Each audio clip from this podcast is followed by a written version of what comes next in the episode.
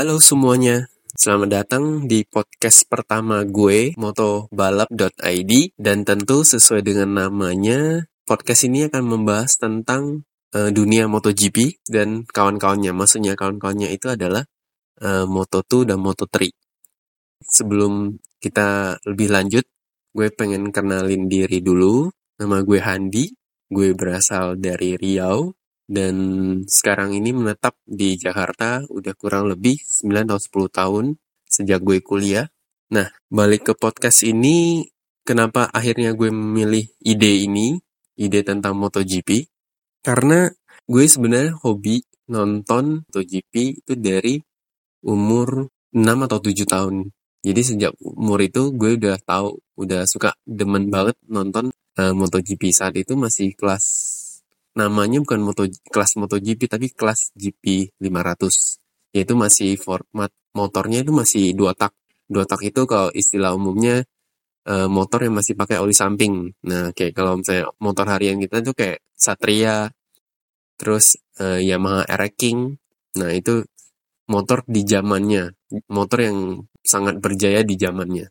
Tiap minggu dulu itu bakal jadi rutin, rutinitas gue kalau misalnya uh, tiap kali ada MotoGP gue pasti nonton gue biasanya biasanya tuh nontonnya dari uh, warming up urutan kalau misalnya rest day-nya itu warming up terus masuk ke Moto3, Moto2 terus baru mot kelas MotoGP. Nah, kalau dulu itu uh, warming up terus uh, GP 125 cc lanjut ke GP 250 cc baru kelas GP 500 atau yang sekarang kita kenalnya eh, MotoGP kelas. Nah, gue masih inget saat itu zaman di mana ada yang namanya Alex Barros, kemudian Alex Criville, Criville, uh, dia di tim Honda Repsol, dan saat itu Rossi kalau nggak salah masih di 250 cc dengan tim namanya Nastro Azzurro. Itu uh, ikonik banget.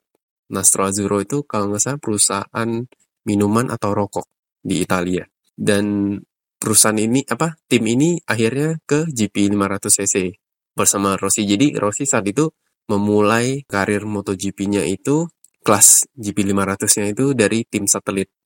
Jadi dia belum langsung masuk ke tim uh, Honda Repsol. Jadi dia masih tim satelitnya Honda namanya Nastro Azzurro. Tapi kalau nggak salah dulu dapatnya motor pabrikan. Jadi satelit yang di yang punya motor yang sama versinya dengan motor pabrikannya. Itu sekilas dulu sebegitu excitednya gue nonton MotoGP, bakal sampai sekarang gue masih inget. Dan satu momen yang paling gue inget itu adalah pas ada MotoGP, kita tuh nonton sekeluarga. Jadi ada bokap gue, ada abang gue, terus bahkan nenek gue juga ikutan nonton. Bahkan dia bisa greget. Kelihatan kalau dia tuh menikmati tayangan itu gitu loh. Nah itu momen-momen yang paling seru menurut gue. Nah makanya selain karena gue suka nonton MotoGP, kan beberapa bulan belakangan ini podcast di Indonesia lagi berkembang. Nah, gue juga mau dong ikut menjadi salah satunya di dalamnya. Walaupun nanti ke depannya gue akan jadi seperti apa, yang penting gue punya goals memulai podcast ini gitu. Oke, terus kita akan berbicara tentang podcast ini bakal hmm, membahas tentang apa aja di dalam MotoGP ide apa di dalam diskusi MotoGP ini. Nah, eh, kita akan berbagi beberapa segmen. Yang pertama kita tentu bakal ngebahas tentang eh, preview race selanjutnya, kemudian review hasil race yang udah lewat, kemudian klasmen eh, pembalapnya, eh, terus pabrikan dan tim. Kita juga bakal bahas tentang hasil-hasil dari Moto2 dan Moto3. Karena menurut gue Moto2 dan Moto3 juga termasuk menarik. Menariknya, momen menariknya itu menurut gue ada di saat race. Salah satunya karena motornya speknya hampir sama, maksudnya upgradean motornya hampir sama, jadi itu saling salip-salipan saat race. Nah itu yang bikin menurut gue Moto2 dan Moto3 punya keseruan tersendiri. Nah kalau MotoGP kan udah punya pabrikan masing-masing dan tentu setiap pabrikan motornya punya kelebihan masing-masing dan juga ridernya kan juga punya kelebihan juga masing-masing gitu loh.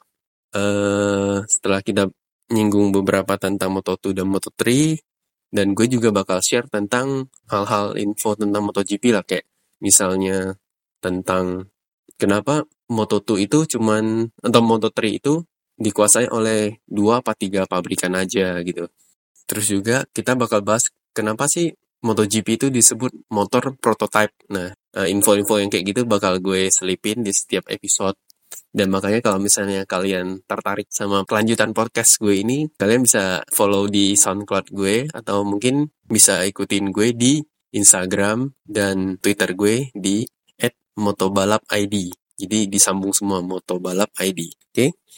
Uh, Oke, okay, kita masuk ke segmen berikutnya. Gue langsung bahas tentang hasil dari race Catalunya. Uh, kita bahas dari Moto3 dulu. Jadi Moto3 itu kemarin dimenangin oleh Marcos Ramirez dari Leopard Racing. Leopard Racing ini cukup terkenal. Nah, basisnya adalah dia menggunakan motor merek Honda. Keduanya ada Aaron Canet yang merupakan pemimpin klasmen sementara kalau nggak salah. Kemudian yang Juara ketiganya adalah Celestino Vietti dari uh, timnya Rossi, Sky Racing Team VR46. Ya, mereka itu pakai mesin KTM. Terus untuk hmm, Moto2, di Moto2 itu kemarin Katalunya dimenangin oleh Alex Marquez, adiknya Mark Marquez.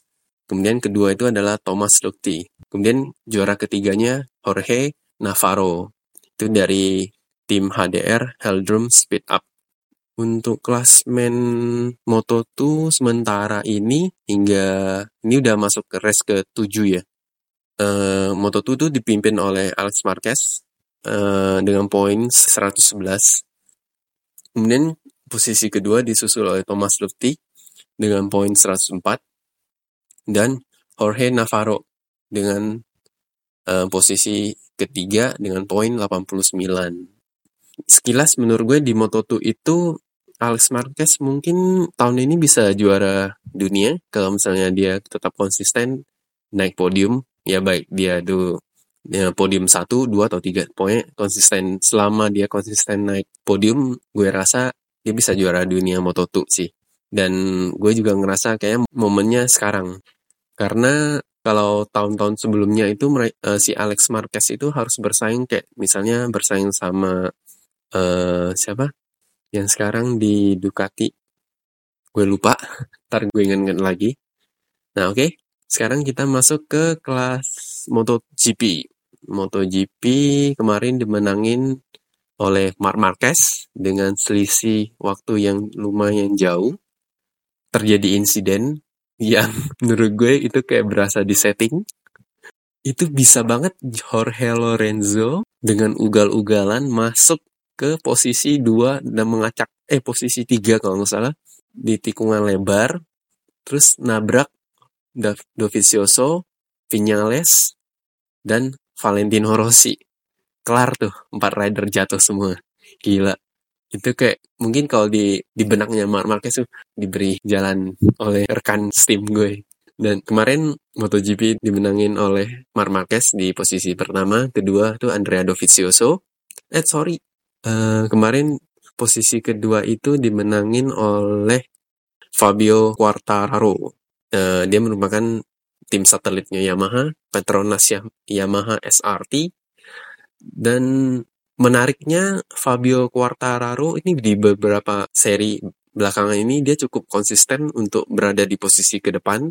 Padahal dia itu rider satelit dari tim Yamaha. Dan dia itu ngingetin gue sama Johan Jarko Jangan Jarko dulu kan jago banget pas di masih dia sama satelit. Cuma karena kalau nggak salah nggak dihargain atau kalau nggak salah pernah diisuin mau bakal masuk nggak punya kesempatan untuk masuk ke tim pabrikan Yamaha. Jadi akhirnya dia cabut pindah ke KTM sekarang.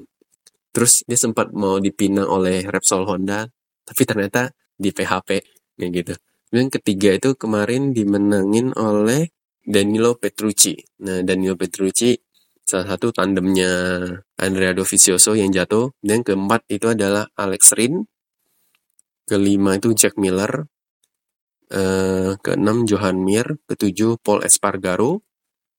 Nomor 8 nih gue cukup kagum sama Takahagi Nakagami dari LCR Honda Iden Mitsu.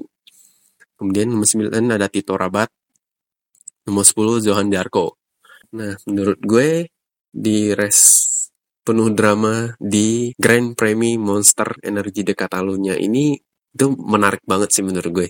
Karena padahal itu awalnya udah seru banget karena posisi apa e, pimpinan posisi paling depan itu kan masih dempet-dempetan.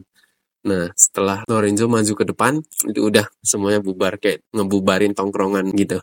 Nah, kalau pendapat gue tentang kenapa Jorge begitu naked, kalau misalnya lu perhatiin, nonton misalnya lu nonton lagi race-nya, lu ngerasa kalau Jorge itu ngotot banget di lap-lap awal. Jadi, itu yang mungkin karena faktor bannya belum panas dan terlalu agresif tuh yang bikin dia akhirnya jatuh dan ngerugiin dirinya sendiri dan juga ngerugiin orang lain. Terkecuali Mark Marquez yang diuntungin karena poinnya makin melebar. Dan efek dari kesalahan Lorenzo ini, kecelakaan ini, pasti semuanya ngamuk. Terutama fansnya Valentino Rossi. Gue dengan saya yakin kalian tuh pasti ngamuk-ngamuk saat lihat Jorge Lorenzo nabrak Valentino Rossi, Andrea Dovizioso, dan Maverick Vinales. Dan juga Jorge juga udah sempat minta maaf ke semua ridernya yang jatuh. Dan dari Vinales sih yang paling menurut gue dia masih ngerasa dendam dan pengennya sih dia minta pihak dari FIM itu uh, memberi sanksi ke si Lorenzo. Namun dari dari ini dari pihak MotoGP-nya menganggap bahwa insiden itu bukan disengaja, jadi emang faktor uh, kesalahan humannya, human errornya dari si Lore apa Jorge Lorenzo ini. Jadi case kecelakaan ini dianggap uh, murni ada kesalahan yang tidak disengaja. Jadi bukan disengaja. Oke, okay. terus udah kita bahas segini. Kita bahas sedikit tentang Jorge Lorenzo ya.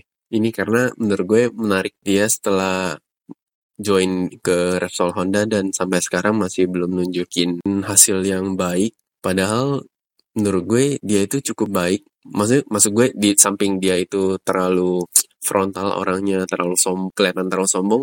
Tapi menurut gue dia dia itu salah satu rider yang punya potensi yang bagus gitu loh.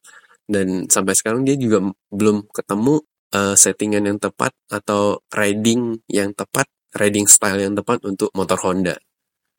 Nah kalau ngomongin tentang motor Honda uh, motor Honda itu adalah motor yang menurut gue paling susah dikendarain saat ini jadi Honda itu punya power besar, tapi uh, butuh style-style riding yang khusus kayak Mar Marquez itu dengan gak style rebahan sampai sikut tangannya juga kena di aspal.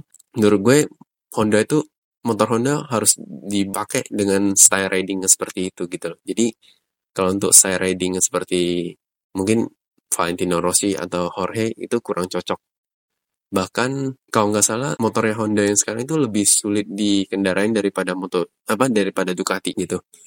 Terus Jorge ini sampai sekarang itu belum nemu bagusnya kenyamanan dalam bawa motornya ini belum nemu. Sehingga kalau nggak salah dia sempat di ultimatum sama HRC Honda HRC untuk ningkatin performanya. Iyalah si HRC itu udah bayar mahal, udah udah bayar mahal mendapatkan dia, terus dianya masih yang kayak kadang di posisi 11 pokoknya di urutan di penghuni-penghuni posisi menengah ke bawah lah gitu. Nggak nggak sejajar dengan rekan setimnya si Mark Marquez. Oke kemudian race selanjutnya adalah race Asen Belanda. Sirkuit Titi Asen yaitu bakal race day-nya jatuh ke 30 Juni berarti kayak dua minggu lagi Uh, biasa Asen ini terletak di Belanda. Tadi gue udah ngomong Belanda berapa kali. Kita bahas sedikit tentang trek Asen ini. Asen ini dibangun pada tahun 1955. Dia punya panjang panjang sirkuit itu 4,545 km. Kemudian dia punya 12 uh, eh, tikungan ke kanan dan 6 tikungan ke kiri. Nah, terus dia punya lap uh, lab recordnya oh belum nemu nih. Dan biasa kalau di Asen itu identik sama hujan.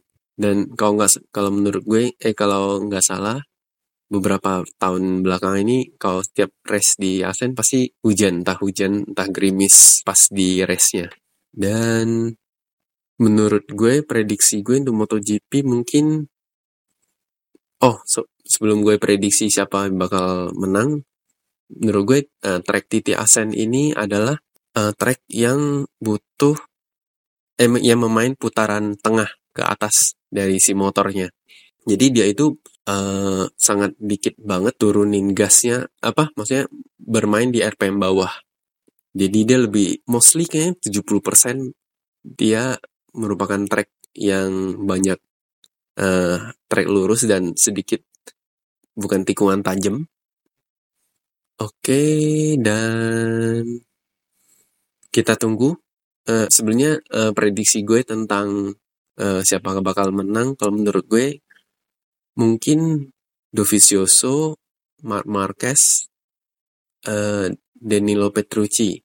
Menurut gue masih tiga itu. Mungkin keempat, eh ketiga, eh, keempat masih yang masih bisa bersaing itu uh, Valentino Rossi, Vinales, dan kita lihat si siapa Fabio Quantararo. Nah, lihat dia sekonsistensi apa di musim ini. Karena beberapa belakangan ini kan cukup bisa bersaing di depan. Nah, nanti kita lihat kayak gimana. Oke, sekian dari podcast gue. Nanti bakal gue update lagi lebih lanjut uh, untuk pembahasan selanjutnya maksud gue untuk episode next episode nanti kita bak mungkin kita bakal bahas lebih detail lagi tentang sirkuit ASEAN. Misalnya kayak uh, tahun lalu siapa yang menang di situ terus ada uh, berita menarik apa tentang sirkuit ASEAN. Terus mungkin nanti kita bakal bahas uh, beberapa update tentang informasi tentang rider-rider setelah pasca kecelakaan beruntun oleh yang dilakuin oleh Jorge Lorenzo. Oke. Okay? uh, sekian dari gue dan jangan lupa kalau misalnya kalian tertarik sama podcast gue, eh, kalian boleh follow gue di SoundCloud gue dulu sementara. Eh, di @motobalapid terus bisa ikutin gue di Twitter dan Instagram juga sama. Username-nya @motobalapid. Motobalapid. Oke sekian dari gue. Gue pamit dulu. Selamat malam karena gue lagi ngerekamnya malam. Oke see you guys. Dah